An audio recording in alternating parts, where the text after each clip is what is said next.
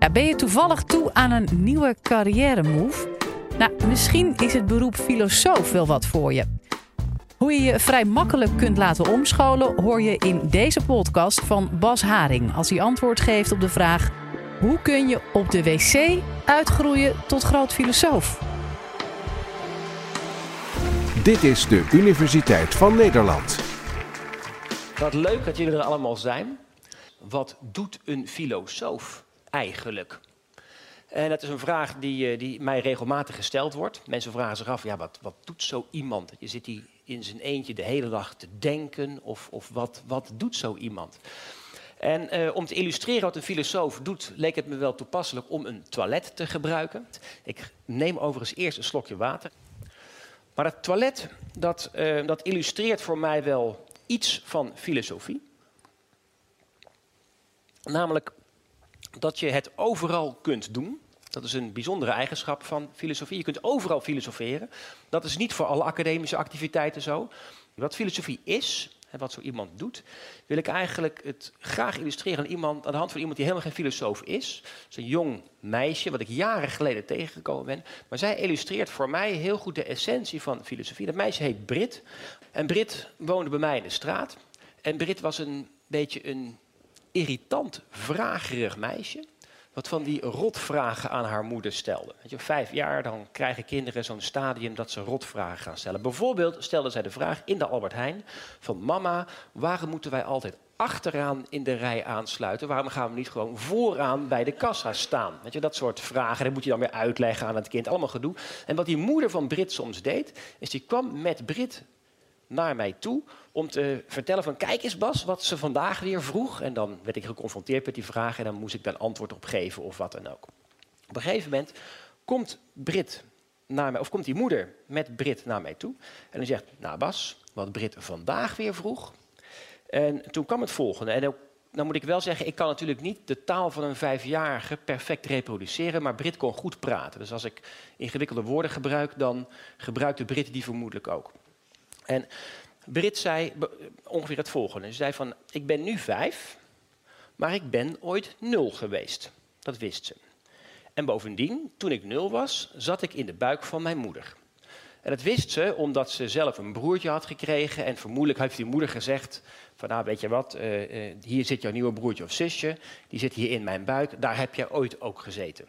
En zij wist dus, oké, ik heb ooit in die buik van mijn moeder gezeten. Toen ik nul was, zat ik in de buik van mijn moeder. Dat wist ze.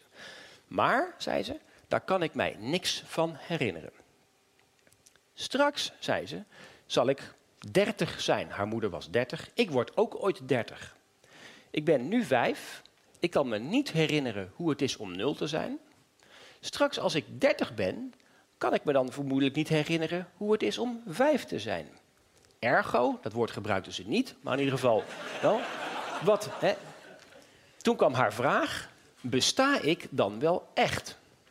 Hele slimme vraag. De vraag aan zich, besta ik wel echt, is niet zo'n hele spannende vraag. stel je voor, je zit op het toilet en je vraagt je af, besta ik wel echt? Je veegt je kont af je denkt van, ja, ik besta echt en je gaat weer verder. Maar het interessante was dat die vraag van Brit het gevolg was van een redenering. Want wat is er vermoedelijk in het hoofd van Brit omgegaan? Iets als het volgende. Brit heeft nagedacht over de betekenis van het woord ik. Wat kan die ik bestaan, betekenen uit de uitspraak ik besta? Wat, wat, wat kan dat woordje ik zijn? Nou, vermoedelijk is die ik iets wat onveranderlijk is in de loop van de tijd. Dat is waar ik aan refereert. Dat is je identiteit. Het is iets wat onveranderlijk is. En toen is ze gaan onderzoeken in haar hoofd, wat kan die ik mogelijkerwijs zijn? Het eerste waar je dan aan denkt is je lichaam. Ik ben mijn lichaam. Maar als je vijf bent, is je lichaam heel erg aan verandering onderhevig. Je lichaam verandert heel erg. Dus ze heeft vrij snel ontdekt van nou, mijn lichaam, dat is die ik niet. Misschien, heeft ze vermoedelijk bedacht, zijn er herinneringen die altijd bij me blijven. Dingen die ik nooit vergeet, onveranderlijke herinneringen die altijd bij me blijven. Misschien is dat wel mijn identiteit, misschien markeert dat wel ik. Maar, dacht ze toen, als ik op mijn vijfde niet weet hoe het is om nul te zijn. En als ik op mijn dertigste niet weet hoe het is om vijf te zijn, dan zijn er dus geen herinneringen die mijn hele leven lang bij mij blijven. Alles glipt dan eigenlijk langs mij heen. Besta ik dan wel echt? Dat was dus de vraag die zij stelde. En het boeiende is, het is echt waar, ik heb niet een of andere fictief persoon verzonnen om dit verhaal te doen. Deze Brit ben ik echt en werkelijk tegengekomen. En het interessante voor mij is dat zij illustreert twee hele belangrijke eigenschappen van filosofie. Eigenschap 1 is vragen stellen met een nieuwsgierige, open blik, rondkijken in de wereld en dingen niet voor lief nemen. Dat vind ik een hele belangrijke eigenschap van dat vakgebied van filosofie. En daarnaast koppel je die nieuwsgierige blik met heel zakelijk, zorgvuldig en precies nadenken. Dat is wat zij deed. Ze maakt overigens wel een fout. Ik weet niet of iemand de denkfout van Brit ontdekt heeft, maar ze maakt een denkfout. Die denkfout is de volgende. Zij zegt, als ik vijf ben, kan ik me niet herinneren hoe het is om nul te zijn. Dus is het logisch dat wanneer ik 30 ben, ik me niet kan herinneren hoe het is om vijf te zijn. Dat is niet waar.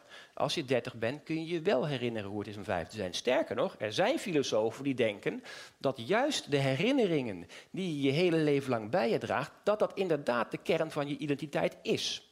Dus ze maakt een denkfout, maar dat maakt niet uit. Ze heeft wel heel zorgvuldig nagedacht. dus deze twee dingen horen wat mij betreft bij filosofie. Ik neem wel even een slokje van mijn water. Jammer dat het geen bier is. Maar... Wat voor vragen stellen filosofen dan? Allerlei vragen. Maar ehm, ik hou niet van name dropping overigens, daar hou ik niet van. Ik hou ervan om dingen toegankelijk te maken, maar ik ga één naam wel gebruiken vanavond, dat is Kant. Ja, er zijn ehm, volgens Kant drie type vragen die je kan stellen. Of vier. Soms is het drie, soms is het vier. En uh, die vragen zijn de volgende. Wat kun je weten? Waar mag ik op hopen? En wat moet ik doen?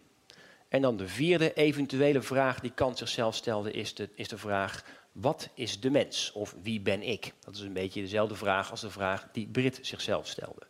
En dit zijn de, de, de, de drie of vier fundamentele vragen die filosofen zichzelf stellen. Ik ben voor het eerst echt geraakt door filosofie toen ik op de middelbare school zat. Of misschien was ik al aan het studeren. Ik ben niet begonnen met een studie filosofie, ik ben eerst anders gaan studeren. En ehm, dat was toen ik las over een proefschrift in de krant. En dat was een proefschrift naar uh, autisme. En dat proefschrift ging over de vraag of autistische kinderen in een gezinssituatie sociaal contact konden hebben. En datgene wat men altijd dacht, was dat kinderen dat niet konden. Autistische kinderen konden geen sociaal contact hebben. En het proefschrift was gemaakt door een filosoof. Heel vreemd, want filosofen doen geen onderzoek aan gezinnen, doen ook geen onderzoek aan autistische kinderen. Wat was er aan de hand? Die filosoof had gekeken naar de definitie van het begrip sociaal contact. En die was gaan onderzoeken wat gebeurt er als ik dat begrip een beetje oprek. Als ik een andere definitie van het begrip ga hanteren, wat gebeurt er dan met die autistische kinderen in die gezinnen? En die kwam toen tot de ontdekking dat als ik dat begrip een beetje oprek en iets anders interpreteer, dan kunnen autistische kinderen wel degelijk sociaal contact hebben in een gezin. Ik vond het een briljante move. Ik vond het heel slim om te gaan bestuderen van wat betekent zo'n begrip en wat kan ik daarvan leren. Dat is de eerste keer dat filosofie mij persoonlijk raakte. En het is een hele algemene truc die filosofen gebruiken. Wat betekenen de woorden precies die voorbij komen? En kan ik wijzer worden door een beetje te gaan duwen en trekken aan de betekenis van die woorden? Gaan we vandaag ook doen. want de vraag die straks centraal staat is, gaat over de vrije wil. En willen we grip krijgen op die materie, dan zullen we ook moeten gaan kijken wat betekenen heel specifiek nou bepaalde woorden. Maar voordat ik met die vraag begin, wil ik eerst gewoon een aantal vragen de revue laten passeren in de paar minuten die mij nog resten in dit eerste kwartier. En het zijn gewoon vragen waarvan ik denk van nou die horen ook thuis in de filosofie. Het zijn vragen die ik mezelf ooit gesteld heb. En ehm, waarvan je misschien niet in eerste instantie zou denken dat ze thuis horen in de filosofie. Gewoon om je te laten zien van hé, dat vakgebied van filosofie is een heel breed vakgebied waar reuze leuke vragen worden gesteld. Maar er moet wel steeds zorgvuldig worden nagedacht over die vragen. Wat is liefde? Dat is een hele logische vraag voor filosofen om er zorgvuldig en rustig over na te denken. Waarom schieten we zwervers niet dood? Is ook een vraag die je als filosoof zou kunnen stellen. Die vraag impliceert overigens niet dat zwervers doodgeschoten zouden moeten worden. Maar het is gewoon de vraag: waarom doen we dat niet? Wat is, hoe, hoe zit dat? En die vraag illustreert ook meteen dat filosofen vinden dat alles bevraagd mag worden. Dat, hoort, dat hoort bij de, de houding die een filosoof van natuur heeft. Alles mag bevraagd worden, ook waarom we zwervers niet doodschieten. Overigens, er is heus een antwoord op die vraag waarom we dat niet doen. Daar gaat het niet om. Het is vermoedelijk een heel verstandig antwoord, maar de vraag mag gesteld worden. Waarom kan een vliegtuig wel vliegen en een boot niet zwemmen? Is zo. Boten kunnen niet zwemmen. Boten varen. En nou is dit een heel onschuldig vraagje. Ja, van ja, god, het, zal het ligt aan de betekenis van het woord. Maar een vraag die erop lijkt is de volgende. Kan een computer denken? Tja, heel veel mensen vellen het oordeel. Nee, computers kunnen niet denken. Oh, en waarom kunnen vliegtuigen wel vliegen dan? Is de wedervraag die ik als filosoof zou stellen. Maar afijn, dat zijn typisch de vragen die filosofen zichzelf stellen. Zijn wij de enigen met een geest? Velen van ons denken dat wij een geest hebben of een, of een ziel of, of, of iets onstoffelijks dat bij ons hoort. Zijn wij de enigen met zoiets? Of heeft mijn konijntje dat ook een geest? Of een robot, kan die ook een geest hebben? Typisch een vraag die thuis hoort in het domein van de filosofie. Mag je masturberen in de trein? Is ook, zou je misschien niet denken, is een klassiek filosofische vraag. Niet de trein, want de trein bestaat natuurlijk niet zo lang. Maar het is een vraag die in het verleden, die in de tijd van de oude Grieken al gesteld is. Mag je in het openbaar masturberen? En als je vindt dat dat niet mag, waarom eigenlijk niet? Dat is best wel vreemd op zich, want in het openbaar chocola eten, dat is ook een vorm van solitair genieten. In het openbaar chocola eten, daar hebben we niks op tegen. Hoe kan dat? Weet je, die onderzoekende, logische, analytische geest is iets wat bij filosofen hoort. En moet je naar school zoals je moet plassen?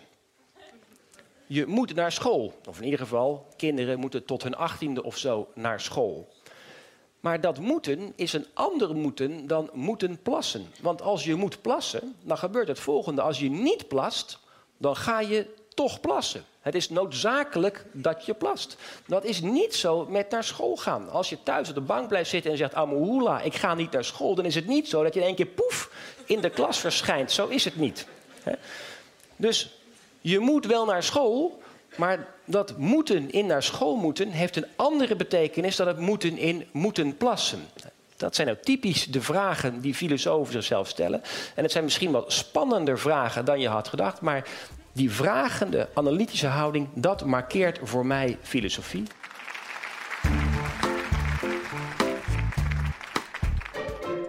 Dit was de Universiteit van Nederland. Wil je nou nog meer afleveringen beluisteren? Check dan de hele playlist en ontdek het antwoord op vele andere vragen.